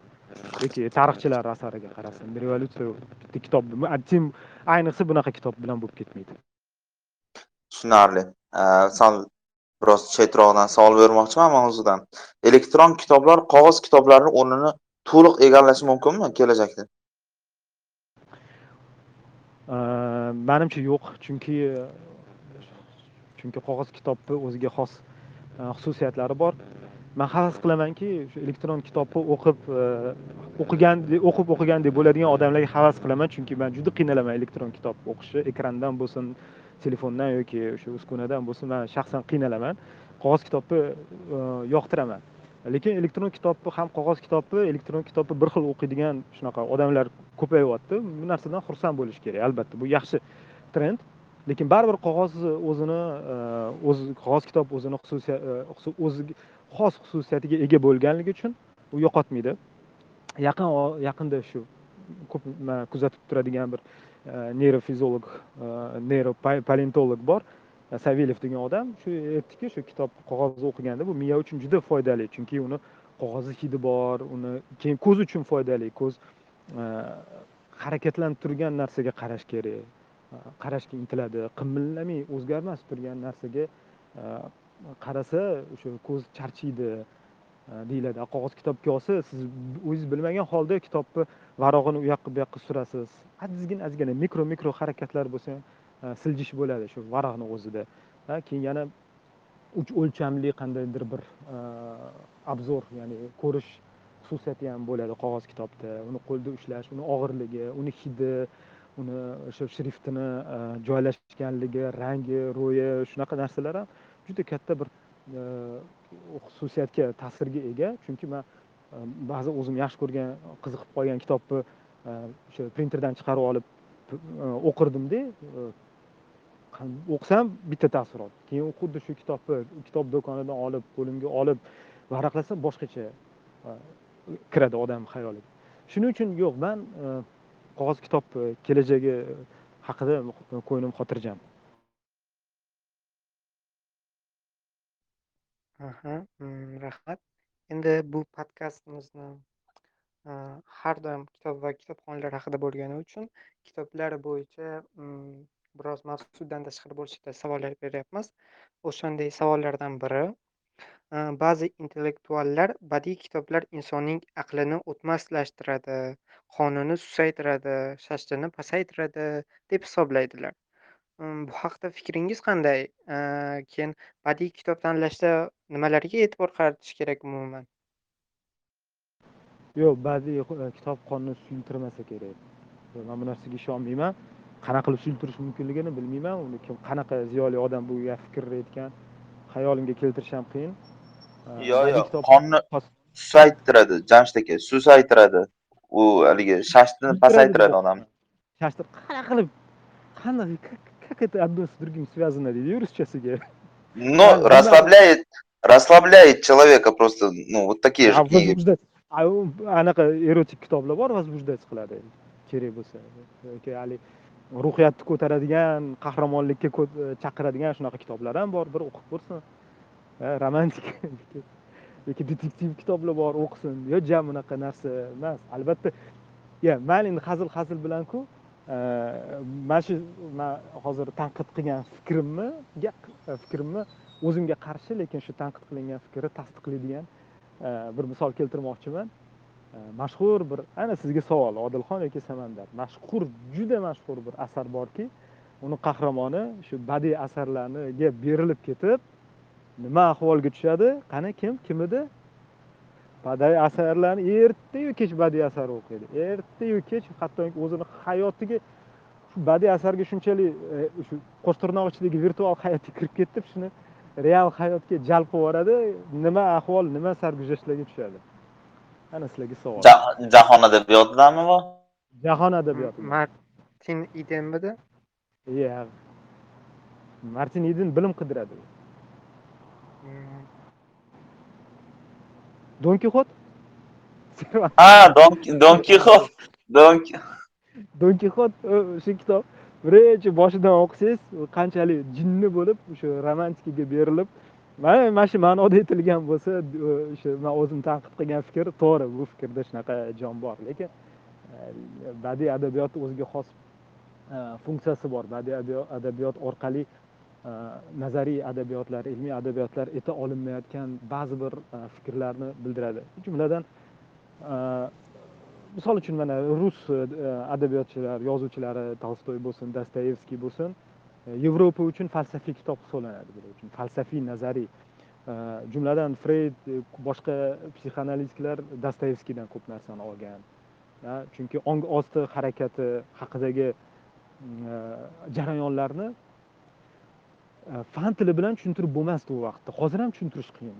Ong osti mavzusi juda qiyin. Man hozir bu mavzuda gapirmoqchi emasman lekin aytmoqchimanki mana shu badiiy adabiyot orqali mana shu o'ta nozik psixologik jarayonlarni badiiy adabiyot orqali chiroyli uslub bilan e, tasvirlab bergan. Undan tashqari odam e, hikoyalarni yaxshi ko'radi storytelling deydi. Juda ko'p hikmatlarni juda ko'p e, haqiqatlarini shu storytelling ya'ni tarix bir e, tarix emas bir hikoyaviy e, shaklda kelgan shaklda kelsa bu axborot qabul qilishi oson bo'ladi. Uzoqqa bormaylik mana dinimizdan gapiradigan bo'lsak yusuf alayhissalom tarixlari yusuf surasi bor. Boshqa payg'ambarlarni tarixi quruq bir qandaydir tarix emas u. O'ziga xos badiiylik bor bu e, surada. Va juda ko'p haqiqatlar olish mumkin. Ijtimoiy hayot iqtisodiy hayot psixologik hayot diniy narsa mavzulardan tashqari ya'ni ruhiy hayot haqida juda ko'p haqiqatlar olish mumkin. To'g'ri biz shu yusuf alayhissalom tarixini bo'lganiga haqiqat deb olamiz lekin bu o'ta badiiy uslub bilan berilgan oyat sura bu demak e, badiiy adabiyotni o'ziga xos shunaqa xususiyati bor. Endi badiiy adabiyotni qanaqa tanlash kerak degan savol bo'ldi. Qiyin savol to'g'risi man bilmayman nima deyishni lekin nimaga e'tibor berardim? Ну mashhurligiga kimlar tavsiya qilishi mumkin? Mana shu kitobni o'qigan zo'r kitob yaxshi yozilgan desa kimdir tavsiya qilsa man olib o'qishim mumkin muallifga kim bo'lgan shu narsalarga e'tibor beraman. Ochig'i bu to'g'risida o'ylab ko'rmaganligim uchun bir narsa deyishim qiyin. Tanlab tanlab har xil kitoblar o'qib misol uchun menga juda ta'sir qilgan e, bolaligimda o'qib haligacha bir e, o'zim estetik zavq olib zavqlanish borda bu zavqlanishga ehtiyoj bor insonda. Shu zavq e, ehtiyojini qondirish uchun ham shu badiiy adabiyot o'qish mumkin va unda qandaydir foyda olishi mumkin. Misol uchun man gyugoning kulayotgan odam bilan to'qson uchinchi yil asari o'ta estetik zavq olib va o'ta o'zimga tarixiy tahliliy falsafiy bir o'zimga bir chuqur ma'nolar olganman yoki shu gogolning o'likjonlar asari badiiy adabiyotlar. Shu mani javobim shu savolingizga. Shu joyda javob berib ketibsiz. Hozir mana shu yerda shu berilgan savolga o'zingiz yoqtirgan beshta badiiy adabiyotni tavsiya qilsangiz azimovni fond yoki установление degan tarjimada kelgan inglizchasiga foundation mana shu uchta e, e, asari trilogiyasi. Ya'ni bu trilogiyani ham yana davomi bor ekan uni o'qimaganman lekin shu e, o'sha fond foundationni o'sha trilogiyasi manga juda yoqqan. Tushunarli. Yana mavzuyimiz doirasida manga judayam bitta qiziq savol o'zimga qiziq. Mana shu kitob orqali propaganda qilish. Bolalar adabiyotida qanchalik uchraydi yoki bu uncha aktual emasmi? Yo'q nimaga aktual emas? Aktual bolalar e, adabiyotida sovet davrida propaganda asosiy e, faoliyat bo'lganligi uchun e, o'sha arkadiy gaydar bo'ladimi shu bolalarni pioner kommunist sovet odami qilib tarbiyalash uchun adabiyotdan foydalanishgan. Bor bu narsa. Man sizga bitta misol keltiraman. Yaqinda bibliotekadan kitob olib kelishdi ilmiy kitob juda chiroyli muqovada juda kosmik rasmlar olam shu qilib tabiatga taalluqli kitob bitta daftariga qaradim bilaman o'ta ketgan propagandist ateistlardan oddiy ateist emas ateist man o'zim kitoblarni o'qiyveraman bolalarimga ham o'qiyver deyman misol uchun lekin propagandist ateist kitobi boshqacha bo'ladida baribir xullas e shuni ko'rdinglarmi nima kitob olib kelganinglarni deb so'rasam e, ha haqiqatdan ichida bir g'alati gaplar bor deyishdimda olib borib olasam e, shu e, nafaqat bu tabiiy qonuniyatlar tabiat borliq haqidagi fikr emas balkim insonni mutlaqo o'sha xudo g'oyasi yo'qlik xudo g'oyasi xato degan tushunchaga olib kelib qo'yadigan satrlarni man ko'rdim misol uchun shaxsan o'zim ko'rdim bu narsani demak bu muallif ham o'zi propagandist va shu bolalar uchun chiqargan kitobini ham shunaqa propaganda uslubida yozgan. Э, O'sha narsani kiritib o'tgan. Manda shunaqa taassurot bo'ldi э, shu kitobdan. Faqat nafaqat uni familiyasidan emas balkim kontentini o'zidan. Э, endi yozish kerak kitobni o'zida yozish kerak. Bu kitob shu ateizmni o'rgatadigan kitob degan narsa bo'lishi kerak mard bo'lsa. Bolalar uchun diniy kitoblar ham borku o'sha aytishingiz mumkin. Bolalar uchun ham diniy kitob borku. Ha to'g'ri kitobni o'zida yozib ko'rinib turibdiku diniyligi diniy mavzudaligi ko'rinib turibdiku. Ota onasi biladi bu narsani din- diniyligini. Ota onasi bu narsani dindor qilib tarbiyalamoqchi. Shuning uchun o'sha kitobni olib beradi. Ha shunga o'xshagan narsa. Bu kitobda ham e, e, очевидный emas nimagadir targ'ib bo'layotganligi очевидный emas. Lekin ota onasi ateist bo'lsa bu kitobni ko'rib albatta bolalariga olib beradi. Bu- chunki bolalarini ateist bo'lib tarbiyalashni istaydi. Lekin bilmasdan olib qo'ysa o'sha bu yosh bola o'qisa buni keyin dinda ota onasi dindor bo'lsa qiynalib qoladi keyin ichidagi narsalar bilan olishishni boshlaydi. Ha, tushunarli. Bizda hozir dok savol bermoqchi ekanlar mana mikrofon sizda. Dok bemalol gapiring. Assalomu alaykum hammaga. Jamshid aka assalomu alaykum. E, assalomu alaykum xonimlar aka bu kishi mani e, o'zimni родной akam bo'ladilar. Ismlari xondavr. Eh, juda maza qilib eshitdik. Savollaringlar ham juda ma'nili Eh, javobinglar jamshid yaxshi zo'r. Lekin manda bitta fikr bu sizlarni temayli- tema mavzuylar juda qiziqku lekin shu atrofida yurdinglar yurdinglar mani fikrim bo'yicha shu mavzuni negiziga eh, yetib bormadinglar. Manda bitta fikr bor savol emas. Lekin o'zingni fikringni qolganda ham fikrini aytish mumkin. Qaranglar. Siz aytdingki kitob propagandik qurol emas. Eh, chunki eh, juda og'ir qurolda. U- qurol ishlashi uchun odam u kitobni o'qish kerak. Hozirgi kunda u kitob o'qilayotgani ham yo'q. Bugungi hozirgi kunda. bugungi kunda. Endi tarix qo'yiladi e, chunki tarixi ha deb tarixi chaynagan chaynagandan foydasi yo'q. E, chunki juda e, dolzarb mavzu. Hozir propaganda juda kuchli. Ko'rib turibsizlar bu ommaviy haligi g'arbiy qadriyatlar propagandasi hali уже anaqasi jinslarimiz ham to'rtta beshta bo'lib ketib qoldiyu dunyoda. Bu narsa hozir kulgili ko'rinayotgan bo'lishi mumkin. Lekin haligi tomchi toshni ham chaqib yuboradi kapli ka- камень точит degan o'rislarni gapi bor yilla ketib yilla ketib o'zimiz ham bilmay qolishimiz mumkin shunga rozi bo'lib shuni ham asoslab yurgan yurib qolishimiz mumkin propaganda to'g'ri aytdinglar propagandani hozir anaqasi har xil qurollari ko'paygan bu video kontent audio kontent rasmlar ham propaganda konsertlar ham propaganda bo'lishi mumkin lekin asosiy quroli propagandani asosiy quroli mani fikrim bo'yicha. Bu bizani past ongimiz. Bundoq o'ylab qaranglar manipulyatsiyani propaganda yuz foiz qo'shilaman ikki yuz foiz qo'shilaman bugungi kunga kelib mana mana bugungi kunga kelib shu narsani o'ylamayapmiz mana biz hali yoshlar bilan gaplashamiz boshqa qilamiz ko'pincha haligi urushib ketishadi to'polon bo'lib ketib qoladi. "E, aka deyishadi. Biz fikrimizni aytdik fikrimizni nimaga fikrimizni aytishga qo'ymaysiz deyishadi. Man aytaman manga qaranglar fikr aytish oson lekin fikr yuritish qiyin. Oldin fikr aytishdan oldin fikr yuritishni o'rganinglar. Bundoq o'ylab qarasa asli aytdinglarki e, aytyapsanki e, manipulyatsiyami propagandami? Propaganda birinchidan har bir manipulyatsiya propaganda emas lekin har bir propaganda bu manipulyatsiya ya'ni propaganda manipulyatsiya yo'li bilan olib boriladi manipulyatsiya manipulyatsiya texnikalari bor propaganda va manipulyatsiya texnikalari bor bu past ongga suyanadi agar biz e, bizani farzandlarimiz akalarimiz ukalarimiz propagandani qurboni bo'lmasin desak fikr yuritishni o'rganishimiz kerak.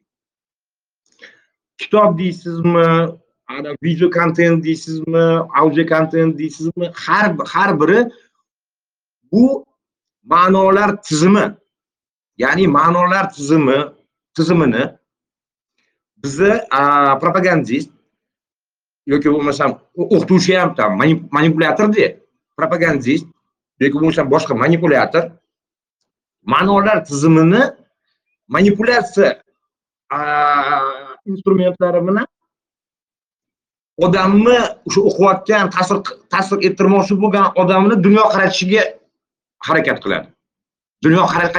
Dunyoqarashini o'zgartirishga harakat qiladi.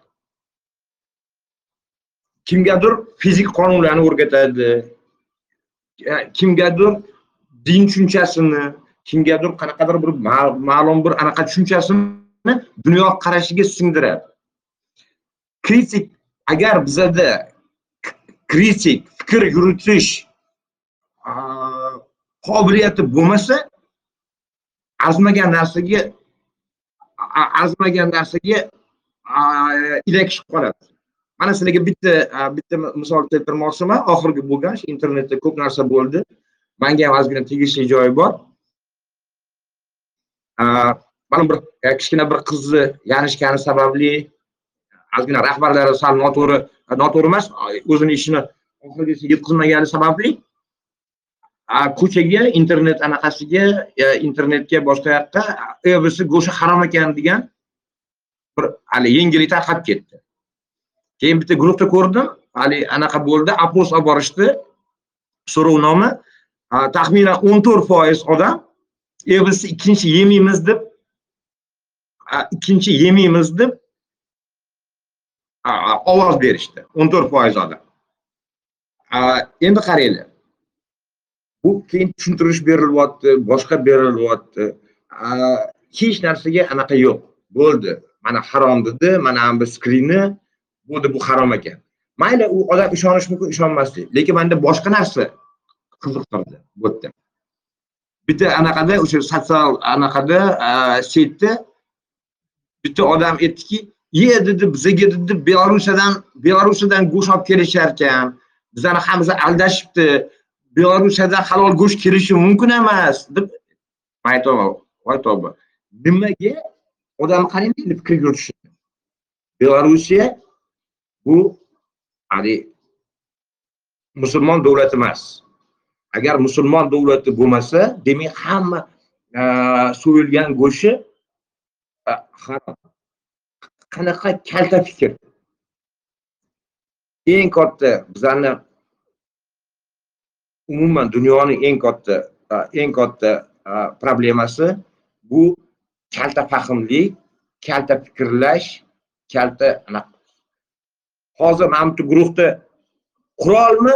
Ha qurol. A bo'ldi bu qurol ekan buni o'qimaymiz. Mana mana shunaqa narsada bo'lishidan qo'rqish kerak. Masalan man farzandlarimni tarbiya qilganimda har doim shunga ahamiyat beraman. Kritik fikrlashni o'rganinglar man shunaqa bir fikrim bor edi. Agar sizlarni gapinglarga ozgina qo'shilib anaqa chalkashtirgan bo'lsam uzr. Qurol kitob emas qurol video kontent emas. Qurol bu bizani kalta fahmligimiz bizani uzoqni ko'ra bilish ko'ra bilmasligimiz bizani ilmsizligimiz и bizani shu manipulyatsiyalarga oson berilishimiz. Mani fikrim shu. Rahmat. Xondamir aka fikrlaringiz uchun tashakkur. Ancha haq gaplarni aytdingiz. Endi man o'zim fikrimni aytadigan bo'lsam bunga nisbatan e, ruscha qilib aytganda мне nechim крыть deydiyu unga javoban man qarshi biron bir narsa ayta olmayman chunki man yuz foiz qo'shilaman. Bu e, fikrsizlik ongsizlik fikrlash bilmaslik manipulyatsiyaga moyil bo'lishlik asos manipulyatorlarning asosiy quroli. Aferistlarning sharlatanlarning e, asosiy quroli bu shu sodda e, jon o'ylaydigan odamlar. Bu qo'shilaman bu fikrga va va o'zim shu narsaga ham doim targ'ib qilamanki e, fikrlash uslublari bor fikrlash yo'nalishlari bor. Kritik fikrlash tizimli fikrlash tanqidiy fikrlash.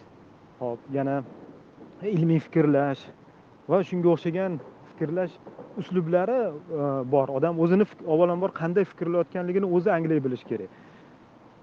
Hop mayli e, boshqa yana qo'shimcha qilmayman chunki juda zo'r e, spich bo'ldi. Hozir unga yana bir narsa qo'shib buni buzgim yo'q.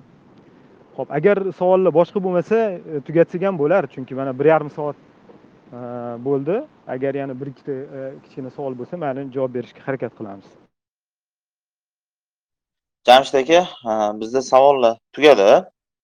Hop, endi ha, haqiqatda tugatsak ham bo'ladi. Xondamir aka aytgan spich bilan manimcha tugatsak ham juda yaxshi yuksak notada tugagan bo'ladi. Hurmatli do'stlar sizlar bilan hammasi rasvo podkasti bo'ldi. Bugungi mehmonimiz moskvada faoliyat yuritayotgan auditor iqtisodchi va bloger jamshid muslimov bo'ldilar. Ha, suhbatni va uning akasi va uning akasi xondamir muslimov Xon- xondamir aka albatta xondamir aka ham ha, shu islom moliyasiga doir mutaxassis.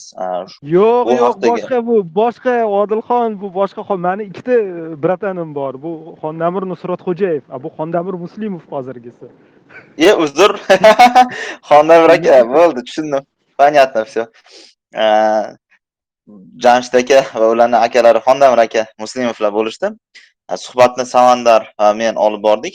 Salomat bo'linglar subjekt nazar bukvamper va e, mashriq kanalini kuzatib boringlar. Keyingi podkastgacha xayr hammaga rahmat.